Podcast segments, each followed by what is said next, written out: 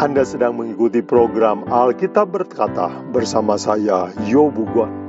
Jika Anda mempunyai pertanyaan Alkitab atau permintaan doa, hubungi kami di 0821 1610 1612.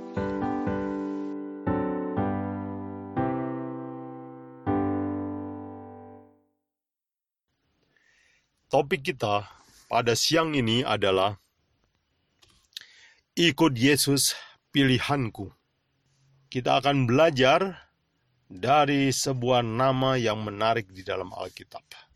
Sebelum belajar, kita akan berdoa terlebih dahulu. Allah kami yang di surga, terpujilah nama Tuhan yang memiliki segala hikmat dan memberi kami petunjuk firman Tuhan.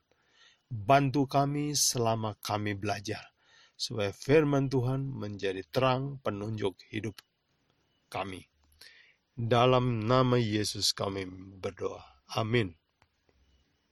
Mari kita buka Matius 1 ayat kelima. Terdapat semua nama yang menarik. Sebagaimana para pendengar ketahui bahwa dalam Matius 1 adalah silsilah Yesus Kristus. Seperti dikatakan dalam Matius 1 ayat 1 katakan, inilah silsilah Yesus Kristus, anak Daud, anak Abraham. Jadi Matius 1 adalah silsilah nenek moyang dar yang menurunkan seorang manusia bernama Yesus Kristus yang adalah juru selamat dunia. Dan di dalam ayat 5 ada catatan yang menarik dikatakan lalu Salmon memperanakan Boas dengan dari Rahab. Boas memperanakan Obed dari Ruth dan Obed memperanakan Isai. Kemudian Isai memperanakan Raja Daud dan seterusnya Raja Daud akan menurunkan Yesus Kristus. Jadi secara manusia, secara manusiawi, sebab kita tahu bahwa di dalam diri Yesus Kristus berdiam dua sifat atau dui kodrat. Sifat yang pertama adalah sifat ilahi, sebab dia datang dari surga. Sifat yang kedua adalah manusiawi, sebab dia adalah mengambil rupa manusia dan menjadi keturunan daripada Adam keturunan daripada Daud. Nah, di dalam jalur keturunan atau nenek moyang dari Yesus Kristus ini disebutkan ada sebuah nama di ayat Matius 1 ayat 5 dikatakan namanya Ruth. Dan kalau saudara memperhatikan, Ruth adalah nama seorang perempuan. Kalau kita memperhatikan daftar silsilah Yesus, kebanyakan yang disebut adalah nama laki-laki. Kalau begitu, penyebutan nama Ruth di dalam sebagai nenek moyang dari Yesus mengandung sesuatu yang istimewa, bukan? Jadi ada dua hal yang istimewa dari penyebutan Ruth ini sebagai nenek moyang Yesus. Nomor satu, karena nama perempuan disebut. Itu istimewa. Yang kedua adalah karena Ruth bukanlah orang Israel dialah bukan bangsa pilihan. Dia adalah perempuan dari bangsa Moab. Dan perempuan ini adalah seorang yang menjadi orang Israel karena kebetulan. Mari kita perhatikan beberapa hal dalam kehidupan Ruth supaya kita bisa ambil pelajaran kita ingin belajar siapakah Ruth ini yang demikian dihormati oleh Tuhan. Kesatu, dia dihormati karena dia wanita. Nomor dua, dia istimewa dan dihormati Tuhan, padahal dia bukan orang Israel. Nah, di dalam Ruth pasal 1, pendengar yang berbahagia, bila mana saudara memperhatikan bahwa di dalam perjanjian baru ada sebuah buku yang disebut Ruth. Mari kita lihat Rut pasal 1. Dan bila mana saudara baca, kita dapatkan kisah dari orang ini. Dikatakan terdapatlah sebuah keluarga namanya Elimelek, sang suaminya, dan istrinya bernama Naomi. Suatu kali di dalam di negeri Israel terdapat kelaparan sehingga keluarga ini harus merantau ke negeri Moab, negeri tetangga. Dan dia pergi merantau bersama dengan dua anak laki-laki mereka. Jadi mereka pergi berempat. Elimelek, sang suami, Naomi, sang istri, dan kedua anaknya laki-laki. Dan di negeri Moab inilah kedua anak laki-lakinya menikah dan mendapatkan istri. Dengan demikian Ruth adalah eh, Ruth menikah dengan anak dari Naomi. Jadi Naomi adalah ibu mertua dari Ruth.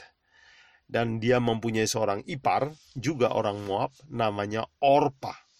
Nah malang sekali nasib Naomi ini dan kedua mantunya sebab suami Naomi belum meninggal. Kemudian diikuti dengan kedua anak laki-lakinya meninggal juga. Sekarang tinggallah tiga janda dalam satu rumah, yaitu Naomi, Orpa, dan Ruth.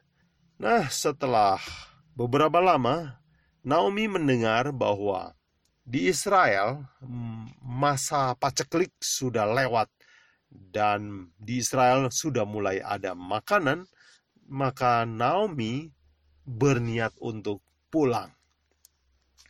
Disuruhnya kedua menantunya untuk pergi kembali ke bangsanya sendiri dan menikah lagi. Dikatakan bahwa kalian masih muda dan saya tidak mempunyai anak laki-laki untuk kalian sehingga sebaiknya kalian menikah. Nah di Israel Kebiasaan mereka adalah jikalau kakak meninggal, maka adiknya menjadi suami menggantikan adiknya menjadi suami menggantikan kakaknya. Namun karena dia tidak mempunyai anak laki-laki, hal itu tidak dapat dilakukannya. Sebabnya dia mendesak mereka untuk pulang saja. Dan kedua menantunya ini sangat mengasihi Naomi mereka menangis sesungguhkan dan meminta kepada Naomi supaya boleh ikut dia.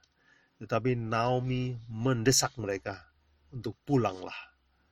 Akhirnya, menantu yang lebih tua, Orpa namanya, akhirnya pulang dengan berat hati dengan penuh cucuran air mata. Namun yang menarik adalah keputusan Ruth, menantu yang kedua. Kan keputusannya ini dicatat di dalam buku Rut 1 ayat 16. Mari saya bacakan ayat yang bagus ini. Dikatakan oleh firman Tuhan, tetapi kata Rut, janganlah desak aku meninggalkan engkau, atau pulang dengan tidak mengikuti engkau. Sebab ke mana engkau pergi, ke situ jugalah aku pergi dan di mana engkau bermalam, di situ jugalah aku bermalam. Bangsamulah bangsaku, dan Allahmulah Allahku. Di mana engkau mati, aku pun akan di sana. Dan di sanalah aku akan dikuburkan pula. Nah, ini kalimat yang menarik sekali. Ruth katakan, Allah mula Allahku, dan Tuhan mula Tuhanku, bangsa mula bangsaku. Jadi dengan kata lain, Ruth bilang, saya percaya kepada Allahmu dan saya percaya bahwa bangsamu adalah umat pilihan. Dengan kata lain, dia mau bergabung, dia pindah agama, dan dia pindah negara, dia pindah Tuhan. Kita tahu bahwa orang Moab tidak mempunyai menyembah patung dan mereka tidak mempunyai Tuhan seperti yang dicatat dalam Alkitab. Dan pilihannya ini adalah sesuatu yang Tuhan hormati. Dari mana kita bisa tahu ini? hal ini? Kita tahu dari catatan Matius 1. Ya, yaitu Ruth dihargai oleh Tuhan menjadi nenek moyang dari Yesus. Kita tahu dari cerita Ruth selanjutnya yaitu ketika dia ikut mertuanya pulang kampung, mereka berasal dari sebuah kota kecil bernama Bethlehem.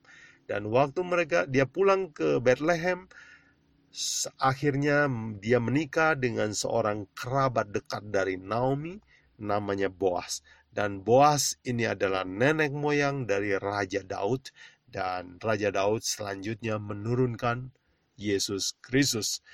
Jadi, oleh sebab pilihan Ruth inilah mau ber, uh, memilih Allahnya orang Israel dan mau bergabung dengan orang Israel dan pindah tinggal di Yerusalem di Bethlehem maka Tuhan memberi kehormatan kepada Ruth untuk menjadi nenek moyang Yesus Kristus. Sungguh ini suatu kehormatan besar Nah, pelajaran apa yang kita bisa tarik dari cerita Ruth ini? Ruth memilih ikut Tuhan bukan pada saat yang mudah atau senang. Kalau saudara memperhatikan cerita dalam Alkitab ini, Ruth memilih ikut Naomi dalam situasi yang sulit sekali. Dia memilih untuk percaya kepada Tuhan dalam situasi yang tidak mendukung. Misalnya, nomor satu, dia memilih Tuhannya orang Israel, padahal teman sebangsanya, yaitu Orpah dan juga iparnya, telah pulang. Jadi sebenarnya dia nggak punya teman. Jadi dia memilih keputusannya sendiri. Dia meninggalkan, ditinggalkan oleh temannya, tetapi dia tetap berani memilih ikut kepercayaan orang Yahudi. Yang kedua, Ruth memilih dalam situasi ekonomi yang sulit. Mereka kesulitan beras, bahasa kita sehari-hari. Makan juga susah. Mereka baru saja uh, mengalami kekeringan. Dan di dalam rumah tangga ini semuanya janda Ingat pada zaman dahulu, bila mana tidak ada pria dalam rumah tangga, tidak ada yang bisa mengerjakan pekerjaan-pekerjaan kasar, bertani misalnya. Dengan demikian, produksi mereka lebih sedikit. Jadi, hal kedua, situasi Ruth dalam memilih mengambil keputusan yaitu dalam situasi ekonomi sulit. Pendengar yang berbahagia, bukankah ini sesuatu yang sulit? Mudah kita ikut Tuhan kalau ekonomi lancar. Tetapi pada waktu keuangan sedang sulit, itu benar-benar suatu pergumulan. Hal yang ketiga, yang membuat pilihan Ruth sulit adalah karena musibah keluarga. Mereka baru saja kehilangan ayah mertua, kemudian suami, jadi ini musibah bertubi-tubi. Nah, ada sebagian orang yang bila mana banyak musibah, dia menjadi kesal kepada Tuhan. Dia menjadi kecewa, tawar hati kepada Tuhan. Nah, saudara bisa bayangkan betapa hebatnya Ruth ini. Di dalam keadaan ada musibah, dia percaya kepada Tuhan dia mengharapkan pertolongan dari Tuhan. Waktu dia susah, dia berhadap berharap, kepada Tuhan. Waktu dia mengalami musibah, pengharapannya lebih besar lagi kepada Tuhan. Bukankah ini contoh yang bagus sekali untuk kita pelajari? Ruth. Yang keempat, Ruth mengambil keputusan dalam situasi sulit adalah karena dia harus meninggalkan teman dan keluarga di Moab dengan mengambil keputusan untuk percaya kepada Allah Israel dan mau bergabung dengan Israel. Dia senang memilih sebuah resiko yang besar yang kita sebut sebagai resiko sosial. Dan memang demikianlah para pendengar sekalian, memang ikut Tuhan selalu ada resiko resiko ditinggalkan oleh teman dan keluarga, atau mungkin resiko harus meninggalkan teman dan keluarga. Ya, memang tidak selamanya harus demikian, tetapi dalam hal Ruth, dia mengambil resiko itu sebab dia tahu bahwa Allah orang Israel adalah Allah yang hidup. Dia adalah Allah dengan segala pengajaran yang benar. Nah, kita ingin bertanya, dari mana Ruth bisa mengambil keputusan yang sebesar ini sehingga Tuhan menghormati dia sedemikian dengan mengangkat dia menjadi nenek moyang dari Yesus Kristus. Kelihatannya dari cerita Ruth ini, Ruth mengenal Tuhan Tuhannya Israel karena perkawinan atau bisa juga kita pakai bahasa sehari-hari, kita katakan bahwa Ruth mengenal Tuhan itu secara kebetulan karena dia menikah dengan anaknya Naomi. Dan dalam pernikahan itulah kelihatannya dia mulai mendengar cerita tentang Allah Israel. Dan dia belajar tentang agama orang Israel. Dan kemungkinan besar dia juga membaca beberapa kitab suci orang Israel walaupun dia mengenal secara kebetulan, tetapi imannya rupanya bukan ikut-ikutan. Dia mengam, memilih imannya sendiri. Dia mengambil satu keputusan.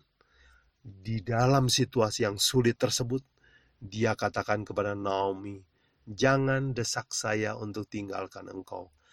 Tuhan mulah Tuhanku, Allah mulah Allahku." Luar biasa sekali Ruth ini. Kita bisa ambil beberapa renungan untuk kisah Ruth ini. Mungkin kita juga percaya kepada Yesus karena kebetulan. Pada awalnya kebetulan. Mungkin dari antara pendengar sekalian ada yang lahir di keluarga Kristen. Mungkin mengenal kekristenan karena perkawinan mungkin diajak teman untuk ke gereja. Semua kebetulan itu adalah tawaran atau undangan kepada Injil. Namun, maukah kita ambil waktu untuk selidiki Alkitab dan meyakini siapa itu Yesus Kristus buat kita sendiri? Pendengar yang berbahagia, mungkin Anda mendengar siaran ini juga secara kebetulan. Namun, jika pelajaran hari ini menarik perhatian saudara, ambillah waktu dan pelajari lebih dalam. Ambil keputusan untuk Anda sendiri. Jangan hanya ikut-ikutan atau kata orang. Nah, sebagai ringkasan, pelajaran hari ini kita sedang mempelajari seorang bernama Ruth dan Ruth ini adalah seorang wanita Moab bukan Israel. Dia mengenal Allahnya Israel secara kebetulan karena perkawinan. Namun, ia mempelajari kebenarannya sendiri dan dia mengambil keputusan untuk ikut Tuhan apa pun resikonya. Dan Tuhan menghormati pilihan yang seperti ini. Nama Ruth tercatat dalam silsilah nenek moyang Yesus Kristus. Ajakan saya, maukah teman-teman, para sobat maestro sekalian, mengambil suatu keputusan hari ini? Saya mau ikut Yesus, tapi itu sebagai pilihan saya pribadi. Dan pilihan ini akan membawa kita kepada sesuatu. Mari kita baca di dalam Yohanes 17 ayat 3 Yohanes 17 ayat 3 Alkitab mencatat inilah syarat hidup yang kekal. Yesus di dalam doanya berkata, Inilah hidup yang kekal itu, yaitu bahwa mereka mengenal Engkau satu-satunya Allah yang benar dan mengenal Yesus Kristus yang telah Engkau utus. Ayat ini mencatat bahwa keselamatan atau hidup yang kekal atau rahasia masuk surga adalah mengenal Allah, artinya akrab dengan Allah, dan kenal juga atau akrab juga dengan Yesus Kristus yang diutus Allah ke bumi ini. Kemudian kita baca satu ayat lagi di dalam 1 Yohanes 3 ayat 1. Firman Tuhan mencatat demikian. Lihatlah betapa besarnya kasih yang dikaruniakan Bapa kepada kita, sehingga kita disebut anak-anak Allah. Dan memang kita adalah anak-anak Allah. Jadi, Alkitab berkata dalam 1 Yohanes 3 ayat 1 bahwa jikalau kita mengenal Allah, dan mengenal Yesus Kristus yang dia suruh, status kita disebut oleh Alkitab anak Allah. Bukankah ini sebuah kehormatan yang luar biasa? Tetapi kehormatan ini hanya didapat bukan karena kita imannya ikut-ikutan atau imannya kebetulan, tetapi karena kita sudah pelajari dan ambil keputusan sendiri bahwa Tuhan Allah Israel dan Yesus Kristus yang dia utus datang ke bumi adalah juru selamat saya pribadi. Ajakan saya pada sore hari ini adalah, maukah saudara pendengar sekalian mengambil waktu, coba baca Alkitab, kenali Tuhannya Alkitab, kenali Yesus Kristus yang ada di dalam cerita Alkitab ini. Semoga pilihan ini membawa kita kepada keselamatan kekal. Dan pilihan ini membawa kita akan berjumpa dalam kerajaan sorga. Semoga Tuhan memberkati. Amin.